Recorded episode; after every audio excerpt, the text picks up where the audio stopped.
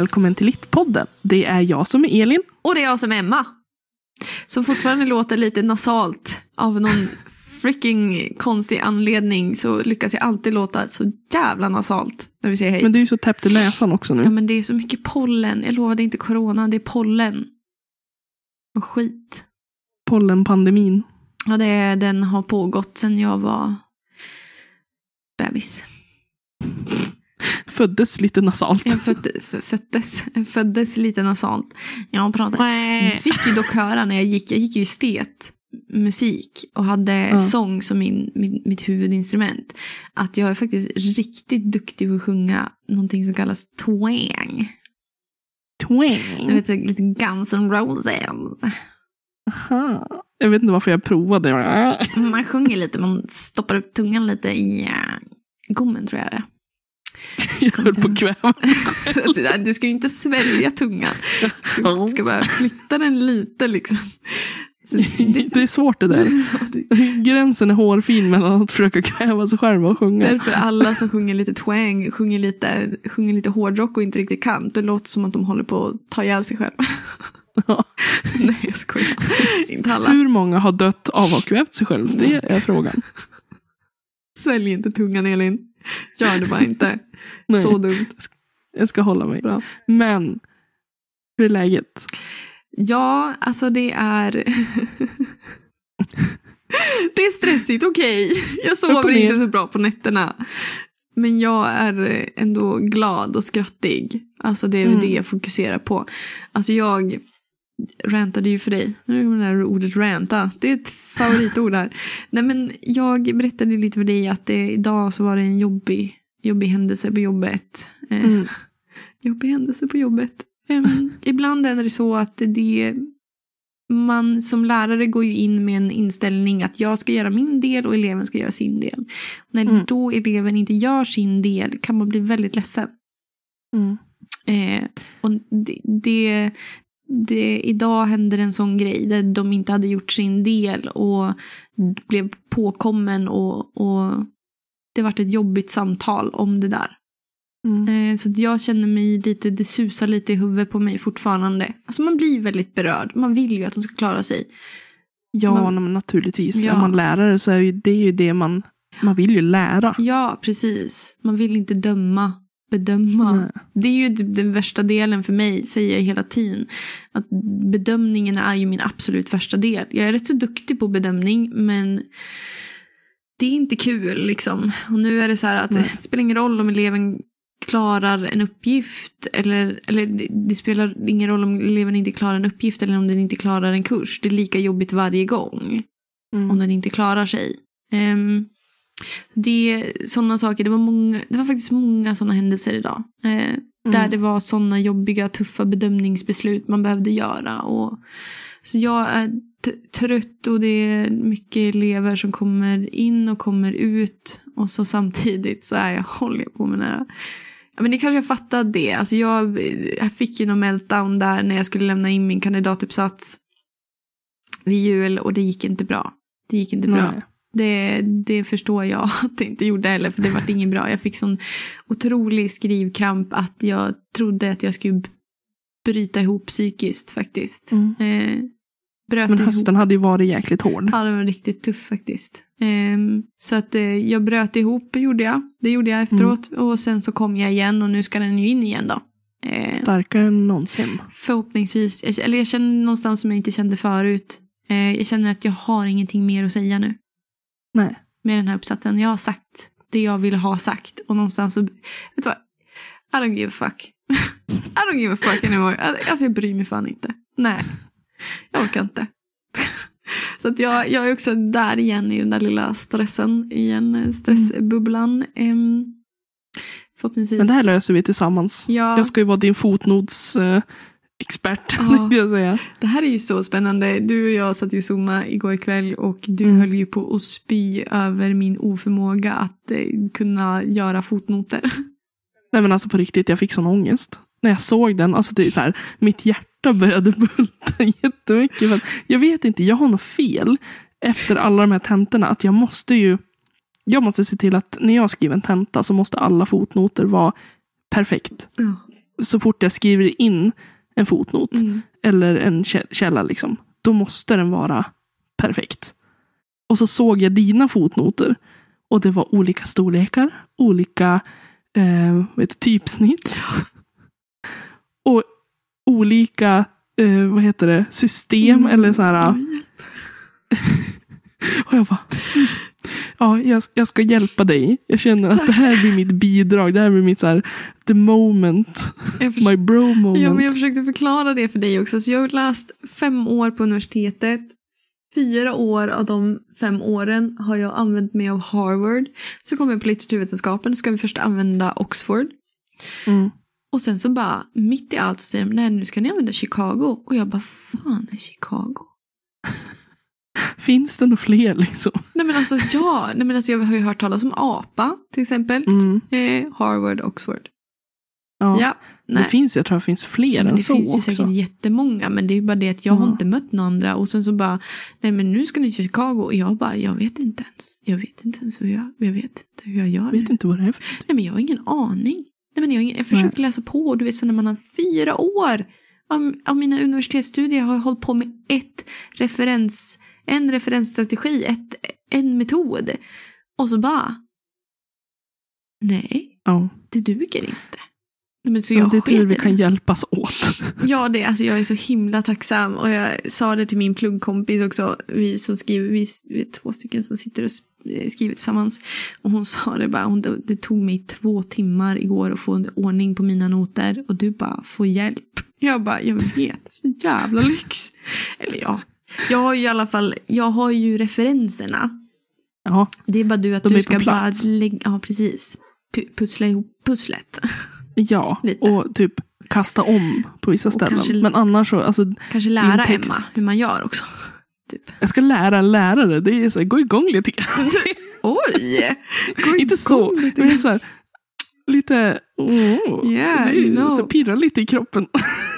Du vet, alltså vi lärare, vi är inte allvetande. Jag vill bara, vi är inte... Fast ni är besserwissrar säger du. Ja, men absolut. Men en besserwisser är ju en besserwisser som, alltså det är ju människor som tror att den är allvetande.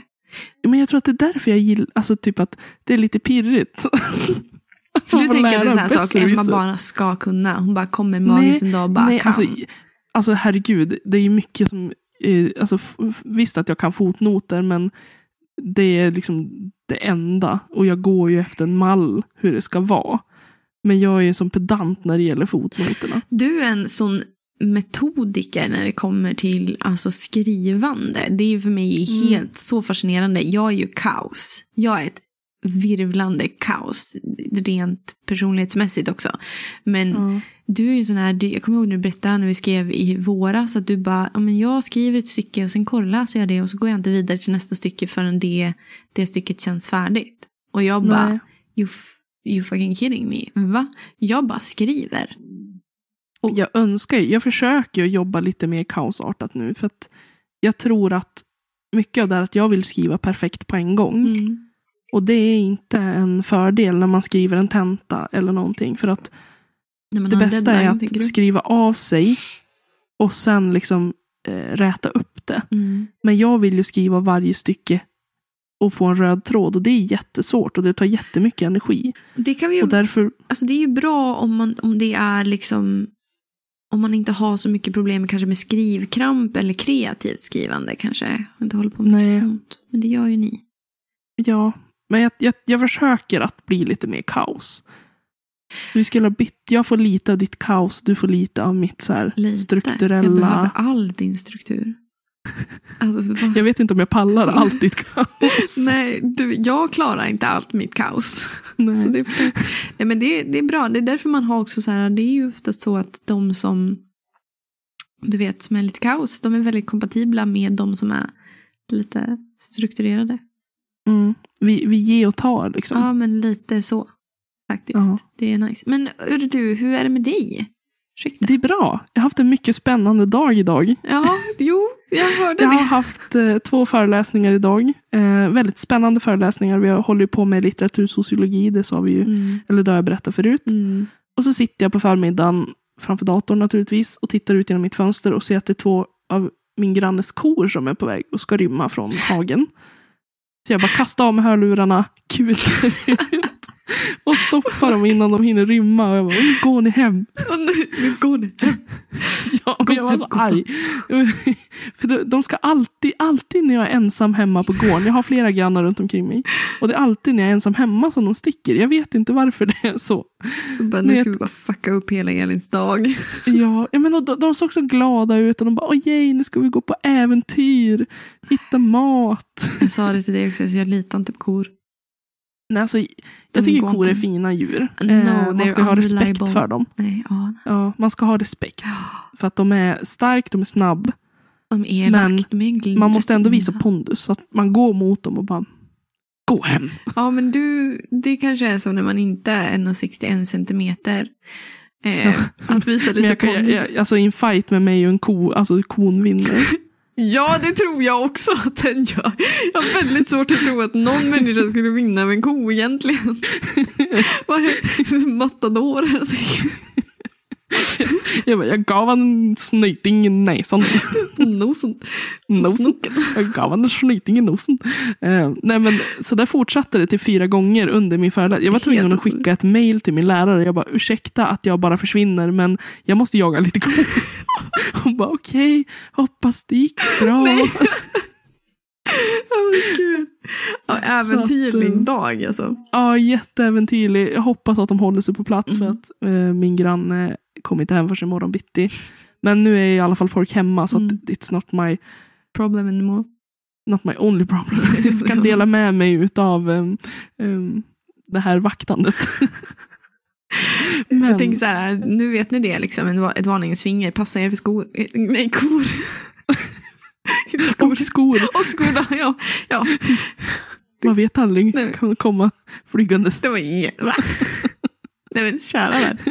Jag vet inte varför jag sa Okej, så. men Elin. Mm, Ska vi bara... Nu. Nu kör vi. ja, men vi kanske ska berätta vad vi ska prata Vi om menar ju idag. det. Nu kör vi. Ja. ja.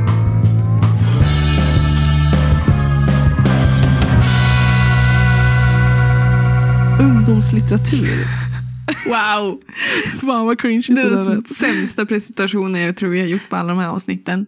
Ungdomslitteratur! Nej, det, var, det, yeah. var, det vart inte bättre. Eh, ungdomslitteratur ska vi prata om. Varför lät jag norsk? ungdomslitteratur. Men vad du är flummig. Vi ska prata om ungdomslitteratur. Vi ska prata mer specifikt om tre väldigt olika, eh, pin, inte pionjärer, men lite flaggbärande ungdomslitterära Ja. böcker. Eller serier, eller författare. Ja, två internationella och en svensk. Ja, den svenska som jag bara, who the fuck is this? Mm. Katarina von Bredow. Mm. Och Och, nu- jag är ganska fascinerad över att du inte hade läst någonting av henne. Aldrig. Och jag vet att det är, nu är det jättemånga i, där som lyssnar som säkert bara får världens här nostalgitripp bara jag nämner hennes namn. Mm. Ni känner väl säkert till då, Hur kär får man bli? Syskonkärlek var det någon som Ja, hette. Som jag vill vara tror jag en som hette. Ja. Och så var det någon där som, där någon tjej blir tillsammans med sin bästa kompis pappa. Ja. Alltså det finns så många, många böcker. Ja. Eh, jag har läst, jag har jättemånga. Jag tror att de flesta är hos mamma och pappa faktiskt. Ja. Så jag har inte med dem eh, till mitt hus. Och jag är helt nej. Nej men nej, jag har aldrig... Alltså när, när folk också bara... För när jag började typ så här, försöka läsa in mig väldigt mycket på det här med ungdomslitteratur. För för mig är det lite ogreppbart. Mm. Vad är Ja, ungdomslitteratur? är det en liksom? genre? Är det en typ av bok? Är det en det övergripande begrepp? Alltså lite så, för jag tycker väl att vi pratar lite knepigt om, jag vet ju, vi läste ju Sandor slash Ida eh, på lärarutbildningen då Mm. och eh, Röd drake, nej ett öga, Ett öga ett rött. öga rött läste vi, tror jag. Jo, det gjorde vi. Den Eh, läste jag på litteraturvetenskapliga Precis, också. exakt. Jag har läst den typ tre gånger nu tror jag. Eh, Ja. det, ja. Ehm, och jag fattade inte riktigt att det där var ungdomslitteratur. Eller för mig har det ju alltid varit så. Jag har ju alltid läst, jag har ju läst vux, inom citationstecken, läst vuxenböcker. Sen jag Mm. var typ 11. Alltså för mig har det inte funnits någon uppdelning att det här är för vuxna och det här är egentligen för barn. Eller det här är för ungdomar och för vuxna. Och så är det typ att man betar av uppåt till vuxenlitteraturen. Utan jag har ju bara det som har fallit mig in, alltså det som jag bara, och det här var en nice utsida, eller det här var nice, det här var coolt, det här är någon annan som har läst, och det här var monster, det här var drakar, här var det magi och här var det Mm. robotar och sådana saker. Det är ju, har, har ju varit det. Eh, Ja, blod och död och allt där mittemellan. Så att jag, nej. Så till slut så frågade jag min lilla syster och det skrev jag ju på Instagram också. Hon började ju fnissa jättemycket och var typ röd i ansiktet när vi stod på Akademibokhandeln. Hon bara, Katarina von Bredow, hit. Jag tar dig till den hyllan, Emma, här. ja. Och det är liksom bara, jaha. Är det det här? ja alltså det, det, det Katarina von Bredows böcker är väl de jag förknippar mest med Alltså de svenska böckerna, den och så Linas kvällsbok. Ja, Det är de jag kommer ihåg mest. Och just Katarina von Bredows fångade ju väldigt mycket den här känslan av att vara tonåring. Eh, framförallt kände jag igen mig som ung tjej. ja. Att det är mycket den här eh, tonårsångesten. Hon skrev, eh, alla hennes protagonister är väl, alltså hennes huvudkaraktärer är tjejer va? Ja, de jag har läst i alla fall. Jag, har inte, jag, har, jag vet inte om hon har någon manlig huvudkaraktär. Men de flesta jag har läst i alla fall, det är en kvinnlig, Ja. En ung tjej som på något vis råkar ut för en tragisk förälskelse eller det, det är mycket liksom eh, jobbiga känslor i. Det är mycket känslor. Återigen, Ja. jättekonstigt att jag inte läst det. För jag har jättemycket känslor hela tiden. Ja, men det är lite det som jag fattar som är ungdomslitteratur. Att det är väldigt känsloinriktat. Mm. Det som jag har förstått i alla fall. Och så sen kan ju ungdomslitteratur innefatta väldigt många olika genrer. Ja, Som fantasy och, och eh, sci-fi och eh, alltså ja. realistiska. Ja. För jag kom ju fram till någonstans efter ett tag att jag bara, alltså så här är det, uppdelningen ungdomslitteratur, nu, nu kommer krassa Emma och är lite hård och lite, lite prov, provokativ. Ungdomslitteratur som typ en uppdelning är bullshit, Mm. känner jag. Jag tycker att det är en sak man kanske inte ska göra egentligen. Nej, för jag menar när blir man ungdom och när slutar man vara ungdom? Ja, När, slutar, när är man för vuxen för att läsa ungdomslitteratur? ja. Däremot kan man ju prata om att vissa böcker har ett lättillgängligt språk. Eller vissa böcker är riktad mot vissa känslomässiga processer i livet. Typ. Eh, och det är väl kanske det som definierar ungdom då. För att i ungdomslivet, eller när man är tonåring och, och ung vuxen och så, då är väl det då man processar mest känslor kanske. Jag vet inte. Mm. Så kan det vara, vem, vad vet jag. Men jag började ju leta som vanligt i mina, mina didaktiska böcker. Du också! Jo. Ja, jag har en här också. Du har Ja. ju Kåreland och jag har Boglind och Nord, eh, Nordenstam, Nordlund, Ja. Nordenstam. Nu måste jag kolla så att jag säger rätt. Boglind och Nordenstam säger jag nu. Så här är det. Men alltså det, och det, när jag läste lite för dig så började vi fundera lite mer. Ja, men det här var en spännande definition som vi tyckte de hade. Mm. Det där med idyllfobi. Visst var det så jag sa? Mm. Ja, men precis.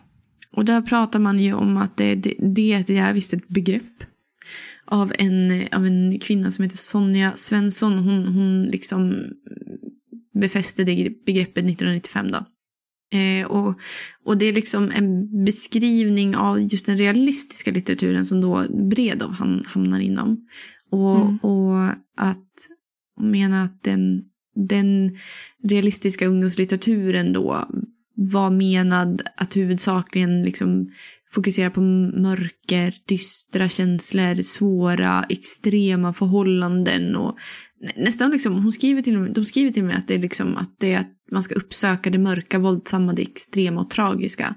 Att kort sagt sky det idylliska och vardagliga. Det gör ju verkligen Katarina von Bredow. Ja, alltså man tänker Framförallt i...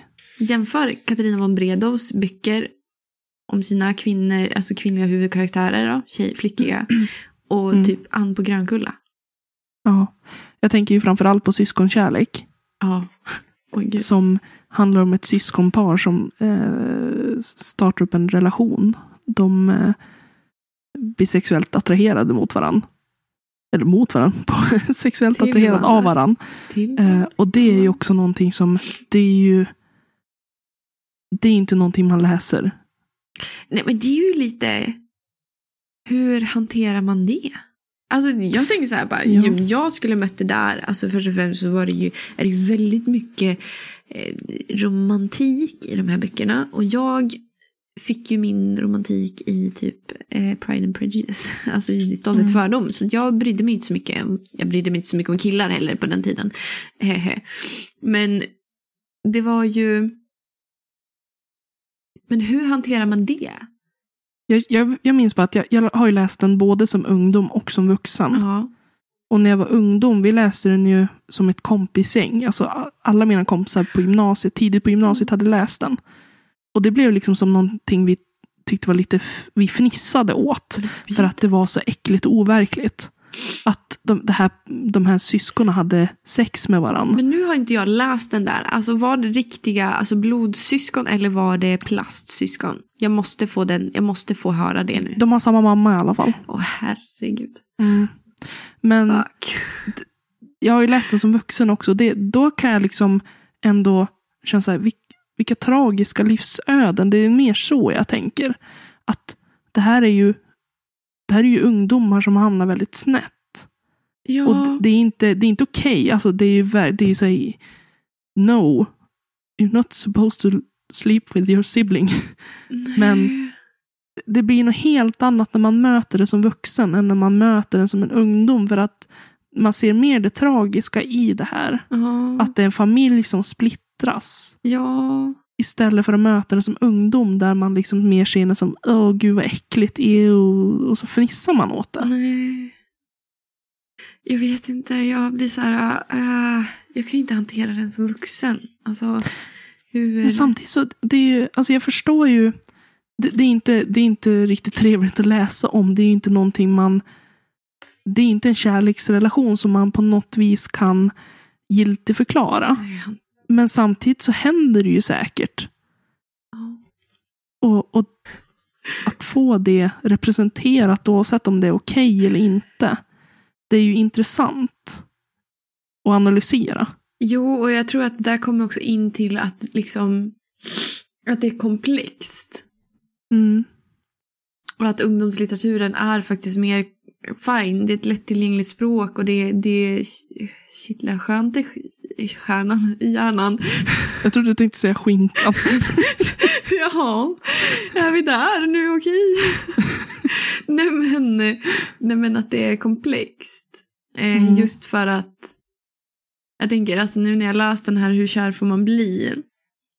Att det är komplexa saker. Här hanterar man ju liksom frågor om vad en familj är. Att bli totalt förälskad i sin bästa väns förälskelse. Liksom att det, Mm. det är ju draman som kan hända. Men det är typ otrohet. Det är liksom saker som är också väldigt aktuellt när man är vuxen. Hur Mm. älskar jag? Vem älskar jag? Varför älskar jag? Vad är kärlek? Vad är förälskelse? Mm. Att hon är väldigt så istället för att det är lätt, glatt och kär. Liksom. Typ så. Utan Ja, det är också snarare svårt, upp- jobbigt och ångest att vara kär i någon. Ja, ja men också visa upp att, att det är inte alltid lätt att ja, men vara ung tjej. Eller ung kille. Nej. Inte i alla fall i våran generation någonstans. Och jag kan tänka mig att det är ännu värre nu med sociala medier. Liksom. Det är så mycket Ja. mer komplext då också. Och det säger ju Nordenstam och Boglin också, hittade jag ju eh, lite mer om att vara ung då. Och då pratar man liksom Mm. om teman och motiv. Och då pratar de om att ungdomsboken har ju börjat närma sig alltså vuxenbokens komplex- komplexitet. Att det, som du också sa till mig tidigare, att det, ungdomsböckerna läses ju av vuxna också. Och Mm. uppskattas. Eh, Ja men precis. och att det, det är ju för att det här och det tror jag på. Alltså deras resonemang om att de här gränserna, de finns de ens kvar? Alltså ska vi ha kvar dem och varför finns de kvar? Och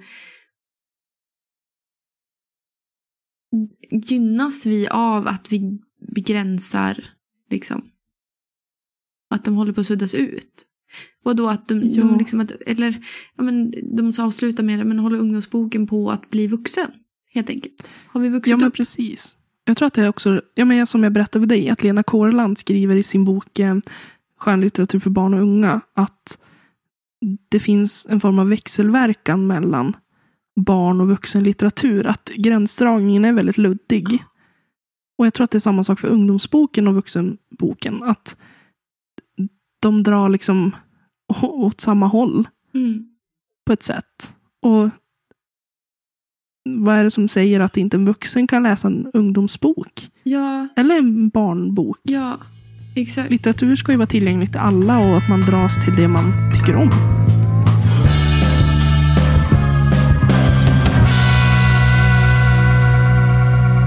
Precis, och då kan vi ju bara gå vidare till nästa författare som vi tänkte ta upp då, som är också väldigt, eh, vad ska man säga, flaggbärare av det här med Ja. att växa upp litteratur. Det är ju J.K. Rowlings Harry Potter-serie. Mm. Eh, och jag kommer så på nu spontant att jag kommer ihåg att hon sa någon gång att jag menar, hon, skrev, hon skrev ju en annan deckarbok typ. En thriller om, som heter typ, det är någonting med en stol. Den är gul. Den var inte, hon släppte den under, under pseudonym för att hon inte då ville förknippas som en ungdomsförfattare. Prosit. Nej, jag tänkte rapa, men jag vill inte rapa. Ja, okej. Ja, ja, okej. Jag, jag snorar och jag rapar och jag håller på. Ja, du är ju så himla respektfull mot våra lyssnare. Det är ju verkligen inte jag. Förlåt. Vi behöver inte sitta och rapa i micken. Någon gång kanske. Jag måste, ja. Någon gång. Nej men eh, Harry Potter, ja. Hon skrev under pse- pseudonym. Hon skrev under pseudonym då för att hon inte ville förknippas som en ungdoms... Eh, eller vuxen. Alltså jag vet inte riktigt hur, det, hur resonemanget gick. Men jag vet att hon skrev under pseudonym för att hon var ungdomsboksförfattare då. Med Harry Hon vill inte fastna i det facket. Nej, fast det är ju jättekonstigt samtidigt att du skriver då under pseudonym. Men jag tänker tänka mig att man skriver under pseudonym för att man vill, folk, man vill inte att folk ska komma med eh, typ som jag med Strindberg, liksom läsa med åsikter. Men också kanske att man har då en, en, en fanbase som förväntar sig att du skriver på ett sätt. Mm.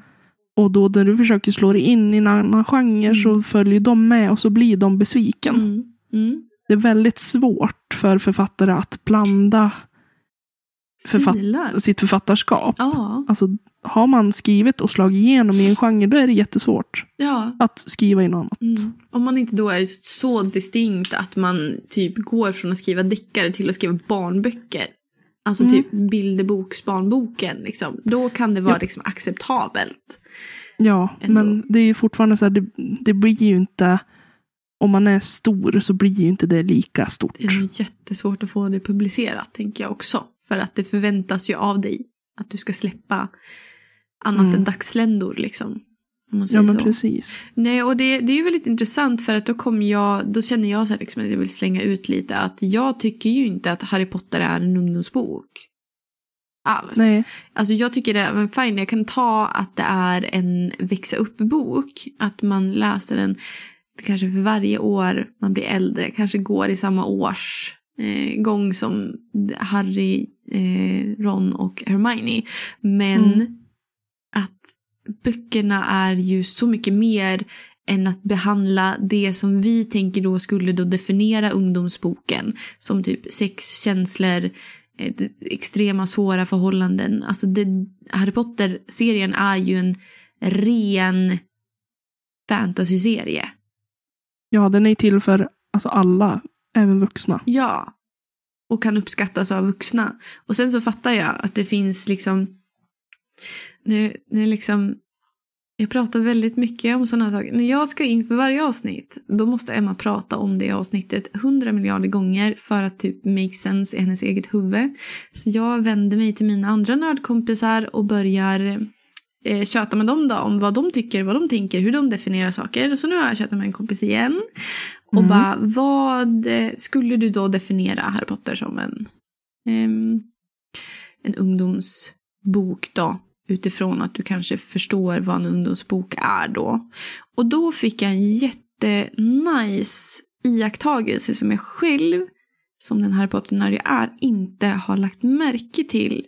Vilket jag tycker är väldigt märkligt nu, men det kan ju vara för att jag, det var länge sedan jag bara läste serien rakt igenom. Men att de har någonting som eh, kallas introduktion i varje bok. Mm.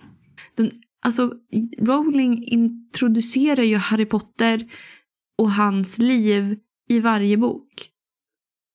Det här är... Är det för att böckerna ska kunna stå för sig själv? Ja, men lite. De kan ju inte riktigt göra det nu. De är rätt så Nej. beroende av varandra, men på sätt och vis. Du ska inte Mm. behöva egentligen läst de första böckerna eller första boken för att förstå vem karaktärerna, huvudkaraktärerna. Nej. Och nu hade jag den här på engelska här framför mig, men jag vill bara läsa typ första delen eh, om hur de, nu introducerar de, nu hade jag Harry Potter 5 framför mig dock. Eh, jag vill gå dit, första kapitlet handlar ju om eh, Scrimgore eller vad han heter. Eh, och då börjar de ju med att typ introducera karaktären. Nej, nej inte. De slutar kanske med det. Det märkte jag inte nu. Det skulle jag ha kollat i kanske de tidigare böckerna. Nu jag tagit tillbaka det. Eh, hon har introduktionen typ i de första böckerna då, tänker jag. Mm. Men kan det vara också så att, för jag antar att det tog ett tag mellan varje bok. Ja, Och för att man inte då, jag antar att de flesta inte läser om först, om man säger att det var första boken och så kommer andra boken. mm, Och då antar hon att om det har gått en tid mellan varje släpp, att mm, det kanske inte är någon som har läst om första boken i samband med att de ska läsa andra. Så att det är bättre att jag introducerar och, som en liksom reminder vem han var, eller ja, vem han är. mm, Eh, för att när, när de släppte de här böckerna, då var de ju inte så stora som de är idag. De var ju absolut stor. mm. Det blev ju en jättesuccé. Men jag tror inte att hon hade... Tänkt sig det. Nej, och så om du, om du då tänker att det slutade i de senare böckerna, för då var bokserien redan så pass stor. Mm. Och troligen hade väl första filmerna släppts också, kanske när femte boken kom. Ja, precis. Så de flesta hade väl sett filmerna, så alla visste ju vem, alla hade Harry Potter på deras tunga liksom. Eh, Ja. Men det, i alla fall, jag läste Harry Potter 3 i helgen. I alla fall till Harry, Harry Potter 3 så hade hon den här introduktionen. Harry Potter, pojken som överlevde, da, da, da. Alltså det är lite så här, uh, Spiderman, återkommande, Peter Parker, Mm. liksom, det här är, Det är hans epitet. Ja, men liksom. precis. Bra epitet där. Ja. Mm. Och det var väldigt intressant som jag då inte hade märkt och som kanske har att göra med att jag faktiskt inte har läst böckerna rakt igenom och nu inte hade koll på att det inte fanns typ i femman då. Jag vet inte om det finns Nej. i fyran, det skulle vara väldigt intressant att kolla upp det men jag orkar inte springa och hämta den. Ja. Och om det är så här, om hon hoppar över i femman, om hon tog upp det i sjuan. Eller ja. Ja, liksom kommer det, kommer det sporadiskt slumpmässigt Mm. den här introduktionen. Varför? Och det, där förstår jag, där det är ju barnboks pedagogik, tänker jag. Mm. Som litteraturdidaktiker är ju det någonting väldigt, väldigt bra. Då blir det ett Mm. bra val av bok och då kan man liksom, eh, det gör ingenting om eh, eleverna ska läsa typ Harry Potter då, men då, då får de välja liksom, alla får välja mellan kanske ettan till trean då, för att alla kommer då veta vem huvudkaraktären är om du gör en huvudkaraktärsanalys med eleverna. Ja. Till exempel. Eh, till exempel, Åh, herregud! Alltså jag orkar Sluta inte! lägga till T. Ja, men jag orkar inte, jag vet inte varför, varför jag gör det. Alltså jag blir så jävla less på mig själv. Kan inte prata. Sluta. Får, vi får blipa sista T. Ja. Till exempel. Eller en, en, en anka.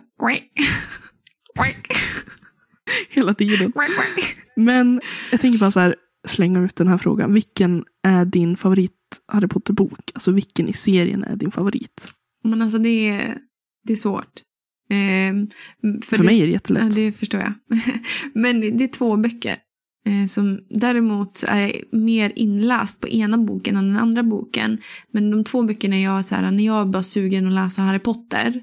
Och inte bara vill för börja för första boken till sista boken. Då läser jag antingen Harry Potter 3, Fången från Azkaban. Eh, eller Harry Potter 5, eh, Harry Potter och Fenixorden. Mm. För att jag också insett att de två är väldigt eh, distinkta i det att är behand- det är väldigt mycket Sirius Black i dem. Ja, Och jag tror att jag har varit lite småkåt på Sirius Black hela min tonårstid. han är lite mystisk. Ja men du vet han så här, och i filmen också, han kommer ju med tatueringar och han är lite så här, han är Mm. en Slytherin, as am I, men han är en Jag också. snäll Slytherin. Är du? Ja, Är du Slytherin? Ja jag var ju, jag alltså, så här är det, våran klass, det är väldigt mycket Harry Potter-fans Mm. i min klass. Och då, typ en av de första frågorna, första veckorna var så här, ah, vilket eh, elevhem tillhör du? Jag bara, va? tillhör litteraturvetenskap eller vadå? Och de sa, nej men du måste göra det här testet, du måste veta. Är du en? Gryffindor? Är du en Hufflepuff? Är du en Ravenclaw? Du- Eller är du en Slytherin? Och jag är en Slytherin, Mm. Mm. enligt testet. Mm. Väldigt oväntat. Alltså, jag är så jag vet jävla- inte hur du är jag så skulle jävla hantera det. attraktiv nu alltså. För fan Mm. vad du är attraktiv. Nej men hubba. Eller hubba är det väl inte. vad händer nu? Eh, nej men eh, jag, för mig är nog, alltså jag, jag tycker att alla är bra. Eh, men för mig, jag kommer alltid ha en liten förkärlek till första boken, Det vises sten. Bara för att den, jag vet inte, jag tycker att den är så mysig. Framförallt i början när han ska, liksom, när Hagrid hämtar honom. Mm. De ska gå och shoppa. Eh, och första tiden på skolan och sånt där. Jag tycker att det är så mysigt. Då kommer vi in på lite det här med, med nostalgi. Mm. För att det, det vart ju som en grej att kunna definiera barn och ungdomslitteraturen ännu mer. Och nu tog jag med barn också. För att Mm. eh, jag har ingen annan källa på än just dem tillsammans. Men det är också Boglinden Nordenstam. Det är en väldigt bra bok. Det här är en väldigt bra litteraturdidaktisk bok. Jag tycker om de här damerna väldigt mycket. Ehm, Du vurmar det, för jag dem. vurmar för de här damerna, jag vurmar för de här forskarna. Nej men eh, speci- specifikt Nordenstam har jag läst väldigt mycket litteraturdidaktiska rapporter från också. Så jag är väldigt påläst om Mm. henne. Eh, för övrigt så är inte det här reklam eller någonting utan jag bara tycker om boken jävligt mycket. Okej, fine. Don't, don't sue me, okej?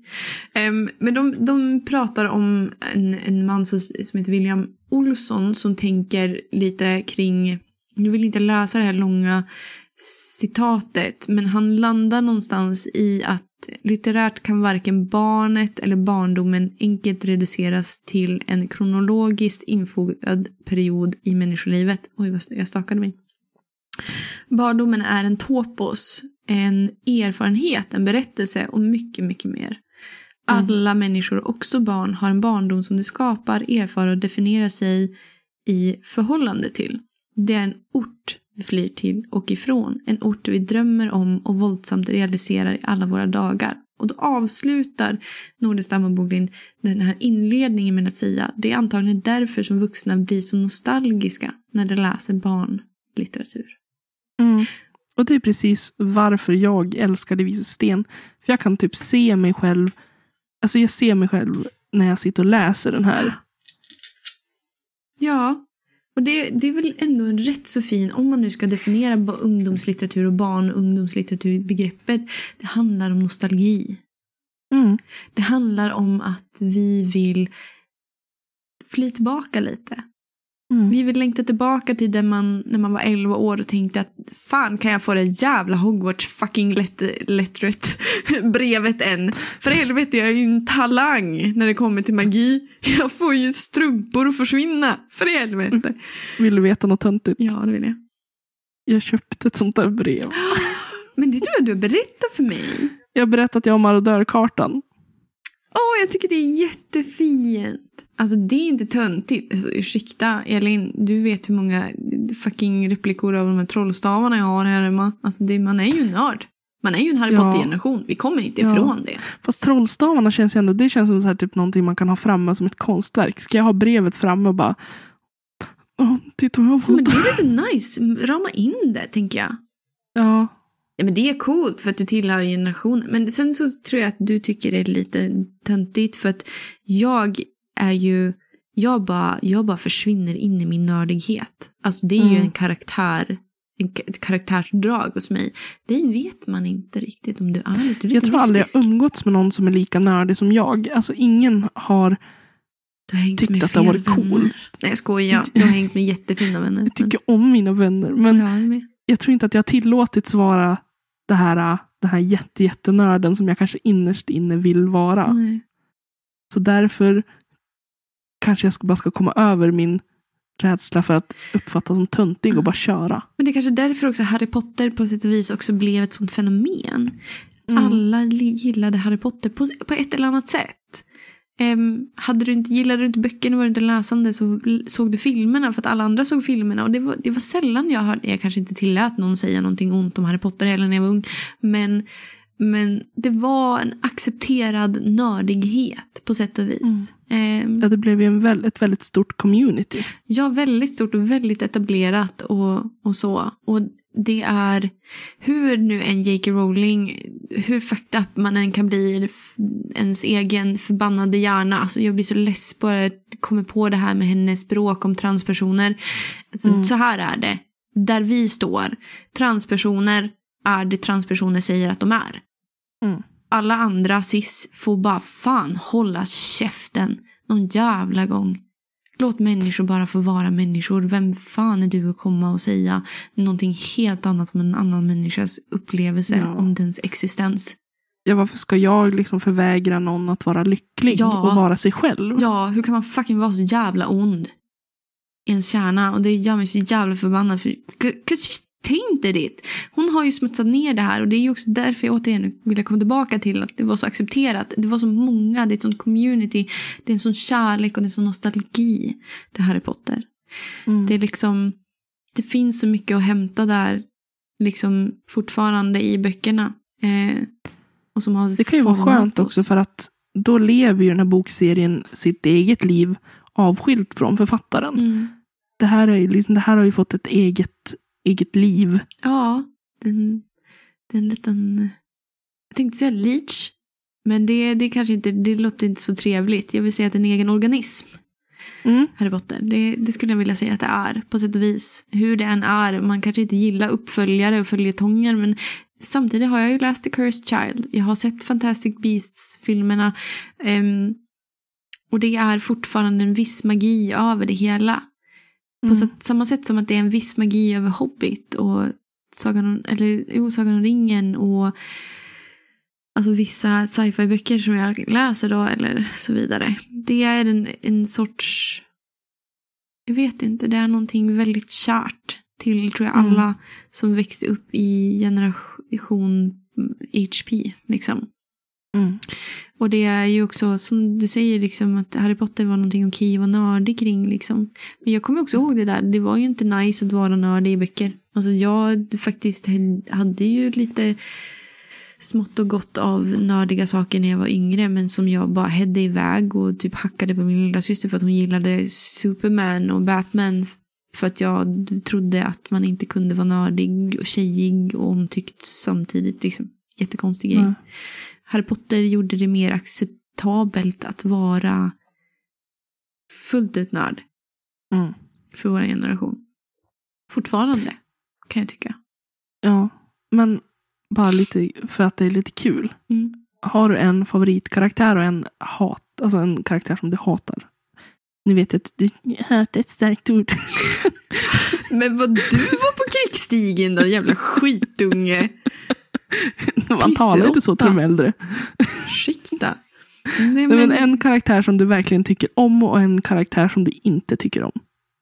Alltså rent spontant så är ju typ den generella åsikten som jag vill säga är ju att man alla älskar Snape, alla hatar Umbridge. Mm. Men jag tycker ju gå, om att gå emot lite så här äh, allt. Så jag gillar faktiskt, alltså grejen är att jag älskar Narcissism eh, Malfoy. Jag tycker hon Mm. är en otroligt fascinerande, eller jag tycker de två syskonen, Bellatrix och Narcissa är ett otroligt fascinerande karaktärspar. Just för att de är syskon, men de är motsatt. Jag tycker de är otroligt välskrivna karaktärer. Mm. Väldigt spännande. Narcissa fascinerar mig just för att jag tycker om henne för att hon har så jävla mycket kärlek till sin son. Hon Mm. går, hon går över stenar och lava och allt för han. Det är den enda personen som man på sätt och vis kan tänka sig älskar Malfoy villkorslöst. på ett sätt som han nog aldrig har upplevt förut. Av någon Mm. annan. Harry Potter har ju sina bästa vänner. Även fast hans föräldrar är döda så visste han ju att de älskade han. Och han har deras vänner som älskade, som älskar Harry för att de älskade hans föräldrar. Men Malfoy har ingen. Han har bara, det är bara mamma som älskar han. Mm. Så henne tycker jag, och Bellatrix som en, liksom, hennes raka motpol, hon är ju bara crazy. Hon är Mm. den galnaste karaktären jag har typ läst mig till tror jag. Alltså det är en jävligt cool karaktär. En karaktär som jag inte tycker om är alltså alltså jag måste typ tänka, man tänker ju Umbridge men jag tänker samtidigt inte Umbridge. Alltså jag tycker faktiskt inte alls om Percy Weasley. Alltså han är en sån här person Nej. som jag cringear lika mycket över som Umbridge. Han är en sån här person som jag bara, vad var det för mening att ha en, ha en, alltså Weasley, the Weasley brothers, they are precious. Alltså förs, fuck, varför komma in och förstöra hela den familjedynamiken med en så bortskämd liten privilegierad skitunge som har alldeles för stort ego och för övrigt är en rätt så jävla mansgris Mm. som Percy Weasley. Alltså han är så tråkig. Bara snark. Gå sätt Mm. dig och gråt då. Och så kan han komma tillbaka till... Och så hans föräldrar är typ världens finaste förstående föräldrar. Han bara skittaskig. Och bara... Mm. Jävla Största tönt. fanboyen till Fudge också. Ja men alltså på riktigt. Fudge är ju en tönt. Så när han kan man Ja. inte hata, han är bara löjlig. Men han är en satir på, en karikatyr på en politiker liksom. Medan Ja. alltså Percy, jag förstår inte. Han är bara ett fjosk. Ja, ja men verkligen. Fjolla. Jättefjoskig. Ja. Usch. Du då? Usch. Ehm, Okej, det här kommer också låta jätteklyschigt. Men min favoritkaraktär är nog Dumbledore. Mm. Bara för att han, ut, han, i, han strålar, utstrålar väldigt mycket trygghet. Mm. Och eh, han känns som en så här mysig, mysig gubbe bara. Som man har väldigt mycket förtroende för. Väldigt trygg karaktär. Vilket jag gillar. Jag gillar ju liksom att bli omhändertagen i mina böcker. Men Well, Den somebody have issues. Nej jag skojar. Skojar, förlåt. Dumbledore issues. Nej, men jag, jag tycker att han, han är också en väldigt intressant karaktär. Mm. Ehm, men min, alltså den karaktär som jag tycker minst om är Slingersvans för att han är en jävla, Han är lite äcklig. Jag menar, han är dels äcklig, Mm. sen är han illojal mot allihop. Ja! Han, han vänder ju kappan efter vinden. Han, säger, han kan inte stå för sina åsikter, vilket jag hatar. Ja. Är du ond? Är ond då. Ja, men- men... försök inte förhandla dig fram och säga till Harry att och försöka... eh, Men tror, du, Nej. tror du att inte man stör sig så mycket på Slingersvans för att han faktiskt är en Gryffindor? Jag stör mig för att han tillhörde gänget. Marodörkartegänget. Men de där marodörpersonerna, de verkade ju vara bara ett gäng mobbare. Så Ja, men han sålde ut eh, alltså Harrys föräldrar ja. till Voldemort. Och sen förvandlade han sig till sin Alltså till råttskepnaden och var det i flera år bara för att han var rädd för att bli påkommen. Ja, det är lite äckligt. Ursäkta, min hund låter jättemycket nu. Um, nej, men jag tycker att så här, om du nu är en anhängare till Voldemort, ja men stå för det den jävla lilla råtta. Jo. Very accurate att han är en animagus som blir en råtta faktiskt. Det är Ja. också en parallell som jag kanske säkert har tänkt på någon gång men aldrig sagt högt. Väldigt bra liksom metafor. Ja. Jo, men också så tycker jag att det är så creepy att han har liksom bott i deras hushåll så länge. Ja. Som människa. Jag tycker det är jättecreepy. Han måste ha det känns som en jättemycket information. Jag tänker Scabbers var ju med hela tiden när Ron, Hermione och Harry så här plotting together. Ja. Sådana saker. Nej, så att han är eh, den sämsta karaktären, den äckligaste karaktären. Eh, och jag Nasty. skulle... Inesny. Du skulle gärna vilja döda han. Jag ska döda Leka katt och råtta. jo. Tänker bara på vårt erotiska avsnitt när jag tänker katt och råtta-lek. Ja. Ja. Jag skulle nog ha eh, typ, jag tänker på, eh, vad heter den, fjärde boken. The Goblet of Uh, Fire. Ja, Klara precis. Bergen. Ja, att han skulle få gå ut där till drakarna. Katt och draklek. Vem Testa flyg vinner? iväg nu då. Råttjävel. Råttfälla. Nej men okej, vi kör lite snabbt kort för nästa bok eh, som vi tänkte Ja. prata om var ju, eller nästa författare är ju Stephanie Meyer. Och vi är ju inte särskilt förtjust i Twilight. Alltså jag har ju varit förtjust i Twilight. Jag har ju varit jättefan av Twilight, Twilight och böcker, alltså filmerna. Eh, Jag älskade filmerna när de kom. Jag gick ju på varenda biopremiär. Oj, kära värld. Ja, eh, men jag känner ju med åren att det blir mer och mer cringe. Mer och mer. Cringe. Det alltid varit, alltså det är cringe, alltså det var cringeigt för Emma, eh, 14 år också. Alltså nej vad jag inte klarade av dem. Alltså jag läste eh, nu också, tror jag, de i streck där någon gång när jag var 14-15. Jag läste dem på engelska i och för sig så jag vet inte riktigt om jag läste dem så mycket.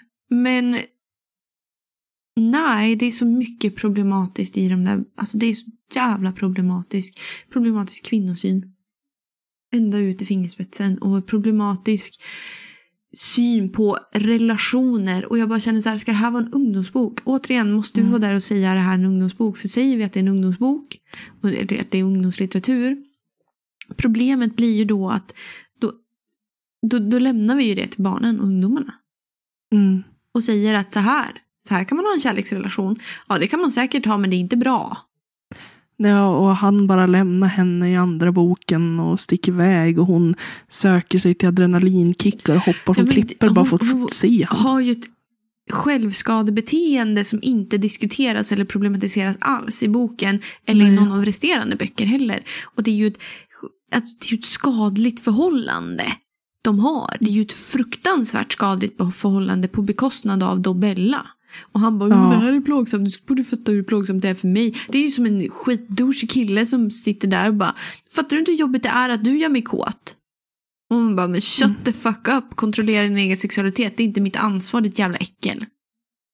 Nej, och jag, jag känner också på något vis att hon är en så hjälplös karaktär hela tiden. Hon har alla, alltså. Hon, för, alltså det blir väldigt, alltså hon. eh, Hon behöver hela tiden ha hjälp med Det allting. finns inget karaktärsdjup för att, och det är konstigt med tanke på att hon är en huvudkaraktär. Bella. Mm. Det är jättemärkligt. Hon har Ja. inget djup.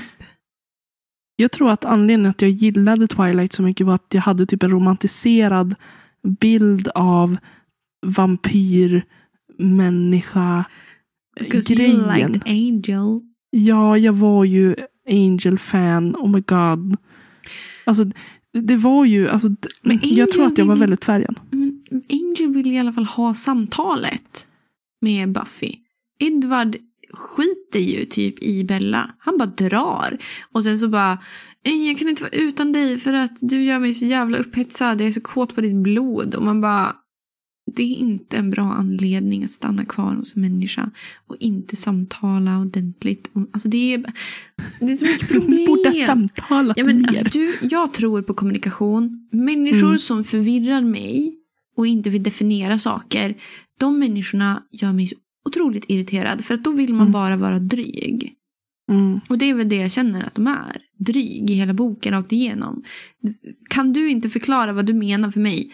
Då, då är det på dig att jag inte förstår. Då är inte jag som ska skämmas ifall jag missuppfattar dig. Nej. Och tycker det är knepigt.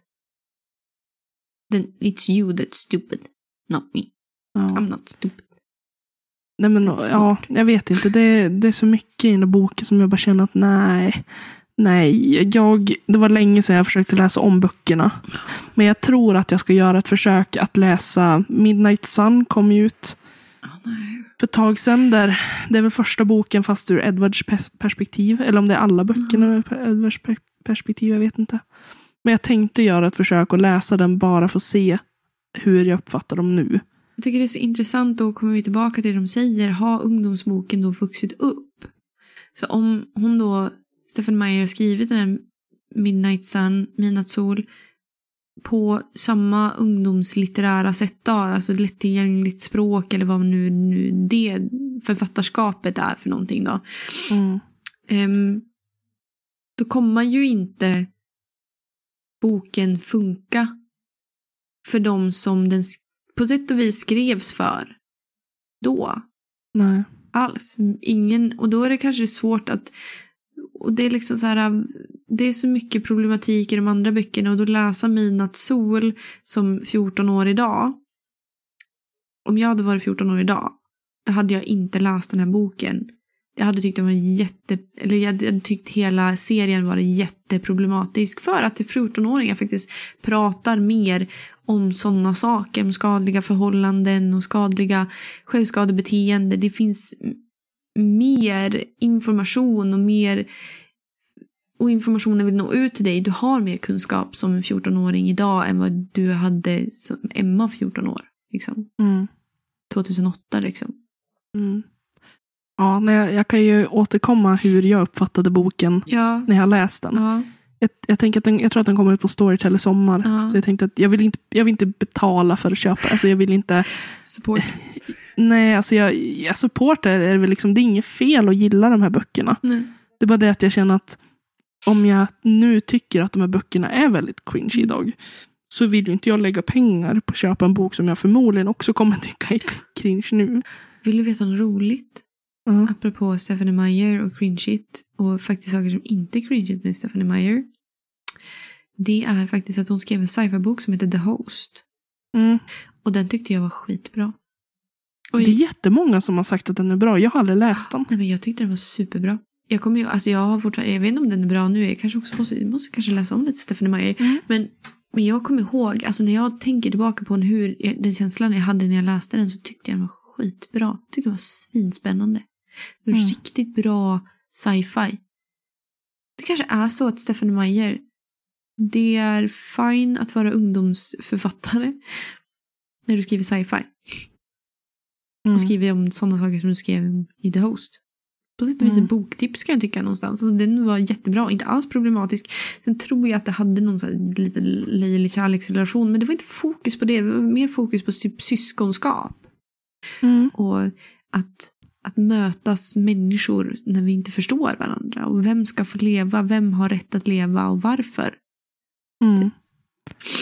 Men då kanske du ska läsa om den och jag läser uh, Midnatt sol. Och så blir det ett Stephanie Meyer-avsnitt. Mm, det kanske det får bli. Nej. Om ni vill ha det, ni som lyssnar. Ni kanske tyckte att det var jättetråkigt att vi pratade om Twilight, men det kan ju vara lite intressant att återkomma till det.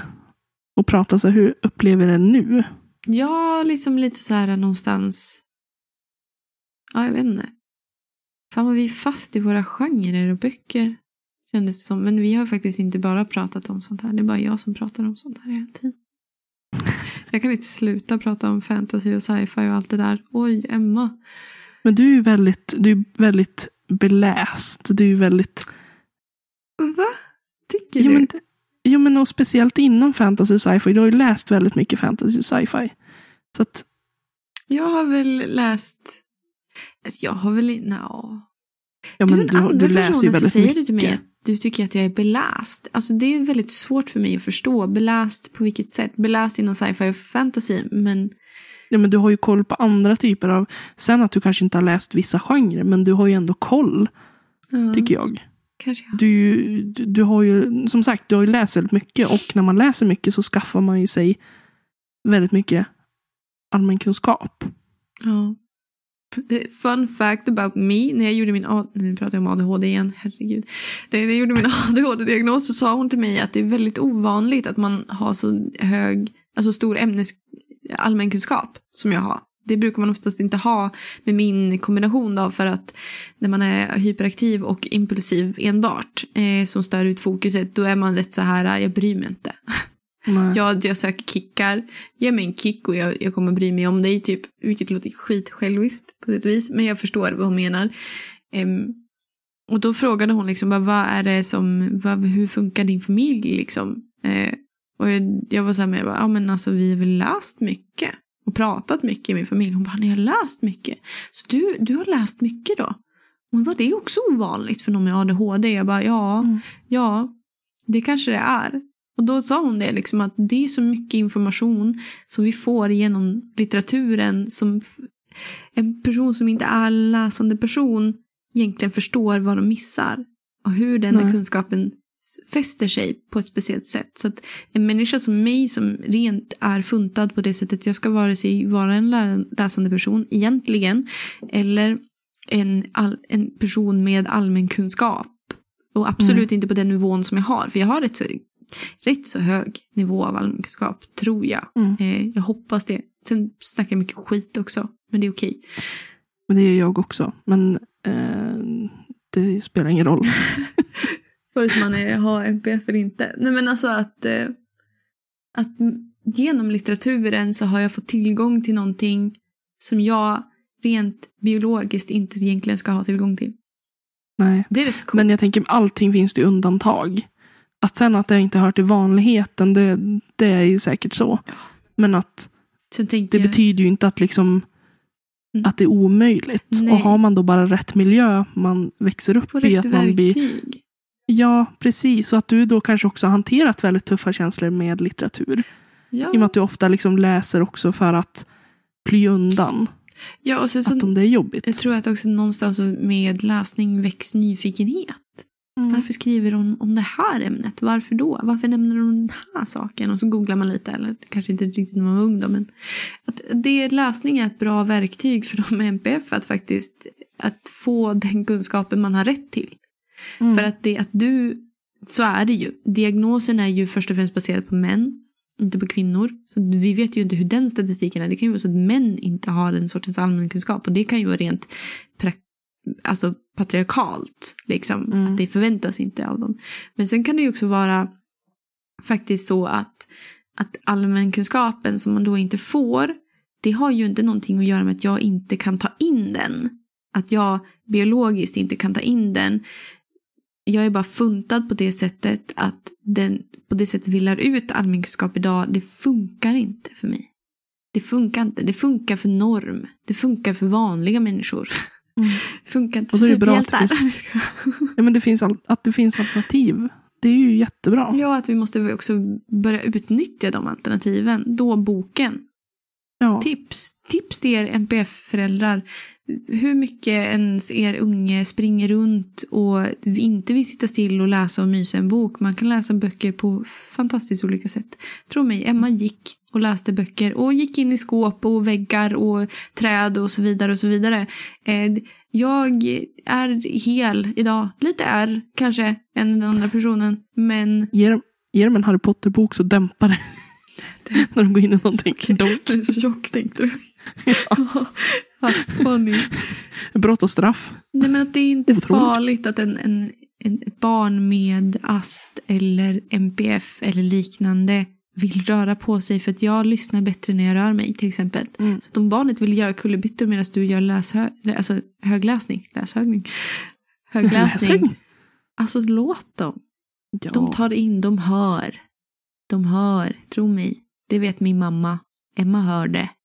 Uppenbarligen. Nu sitter jag och lämnar in en kandidat i litteraturvetenskap. Så att, Men eh, med det sagt. Det, det har gått fort idag Det känner jag. Det känns inte som att vi har pratat över en timme nu. och det känns som att jag pratar väldigt fort också. Samtidigt. Ja, men jag tycker jag har förstått allting vad du säger. Ja, vad bra. Jag hoppas att ni andra där ute också förstår vad jag säger. Man kan dra ner på hastigheten annars. Ja, alltså ni, alltså snälla, ge oss feedback. Fortsätt med det. Helt fantastiskt, Ja. älskar det. Ehm, ni får jättegärna också säga vad vill ni. Vi älskar att höra vad ni vill att vi ska ta upp i podden. Nu har vi Ja. ju dock planerat rätt så långt framåt, men vi tänker hålla på med det här ett tag. Ja, det hoppas jag att vi ska. Jag tycker att det här är jättekul. Jag tycker det är svinroligt. Prata om mina Och det är ju bara kul att folk vill lyssna på vad vi säger. Ja, liksom så jävla intressant är man väl inte. Men Men uppenbarligen. jag tycker det, liksom att det vi säger och så bara, men åh, jag tycker att ni är så roliga. Och så, är vi? är vi kul? Jag har en kompis nu som typ inte har orkat läst på jättelänge. Hon är läsande människa men hon har inte läst på flera, flera, flera år. Nu, liksom med podden och med allt den hypen som blev runt mina vänner, bästa Mm. vänner, em, så hon så här bara, skickar typ så här bokpaket Emma, kolla vad jag beställt hem, kolla jag har fått upp alla mina böcker, kolla här är min bokhylla hos mamma och pappa. Och jag bara, alltså, you are so precious. Och hon bara, ju hon skrev till mig i veckan att bara, hon bara, Emma jag läste ut en bok på en helg. Jag bara, du är underbar. Fantastiskt, bra jobbat. Bra jobbat. Det, är- det är det vi vill liksom. Få människor att förstå vilket nöje det är. Och att det är Ja. olika sätt man läser på. Att läsande är fantastiskt kul i fantastiska världar. Men nu kanske vi ska säga hej då. Ja, vi säger hej då. Nu håller vi bara på att snurra runt tror jag. Ni vet Men- hur det fungerar. Ja, Ni ska dela, ni ska gilla, ni ska prata med oss, ni ska lyssna. Ni ska och ska, Kom in. måste och måste. Ja. Men ja. Gör allt vad ni känner för. Så hörs vi nästa gång. ja. Ha det Ha det bra. Hej då. Hej.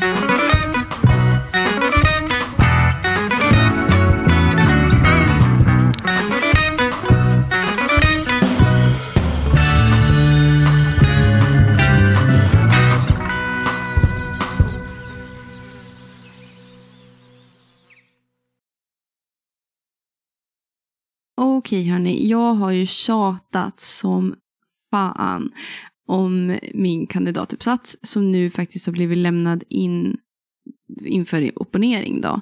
Eh, men jag gjorde ju ett gigantiskt fet jävla misstag och det var ju att skriva om en av mina favoritförfattare, eh, Stephen King. Eh, och när jag då här för dagen ställde då tillbaka böckerna som jag har använt mig av i min eh, uppsats så kände jag lite så här, äh, jag kommer nog aldrig vilja läsa en enda Stephen King-bok igen. Aldrig någonsin. Jag kände lite, fuck you Stephen King och fuck din bokserie, fuck din skräck, fuck allt. Men jag vet ju också att jag ångrar mig. För att det är någonting. Alltså det är någonting han gör och jag vet inte vad det är. Han lockar fram det absolut mörkaste som man kan knappt föreställa sig. Och han får det att fascinera mig. Jag, blir så fascinerad. Och jag gjorde lite research, gick ner på Akademibokhandeln på stan ehm, och möter möts jag av att det finns en nysläppt Stephen King-bok. Han har ju släppt boken Later. Och jag kommer hem, jag ringer Elin och säger Snälla, snälla, snälla, snälla, snälla. I ära till att jag faktiskt har lämnat in min jävla uppsats. Kan vi snälla göra ett rent Stephen King-avsnitt? Och hon säger Ja, jag vill läsa The Shining. Ni har lyssnat på Littpodden med Elin Åslin och mig, Emma Granholm. Musik och klipp av Magnus Kjellson och Robert Granholm. Management av Ida Berglund. Tack hörni, för att ni har lyssnat.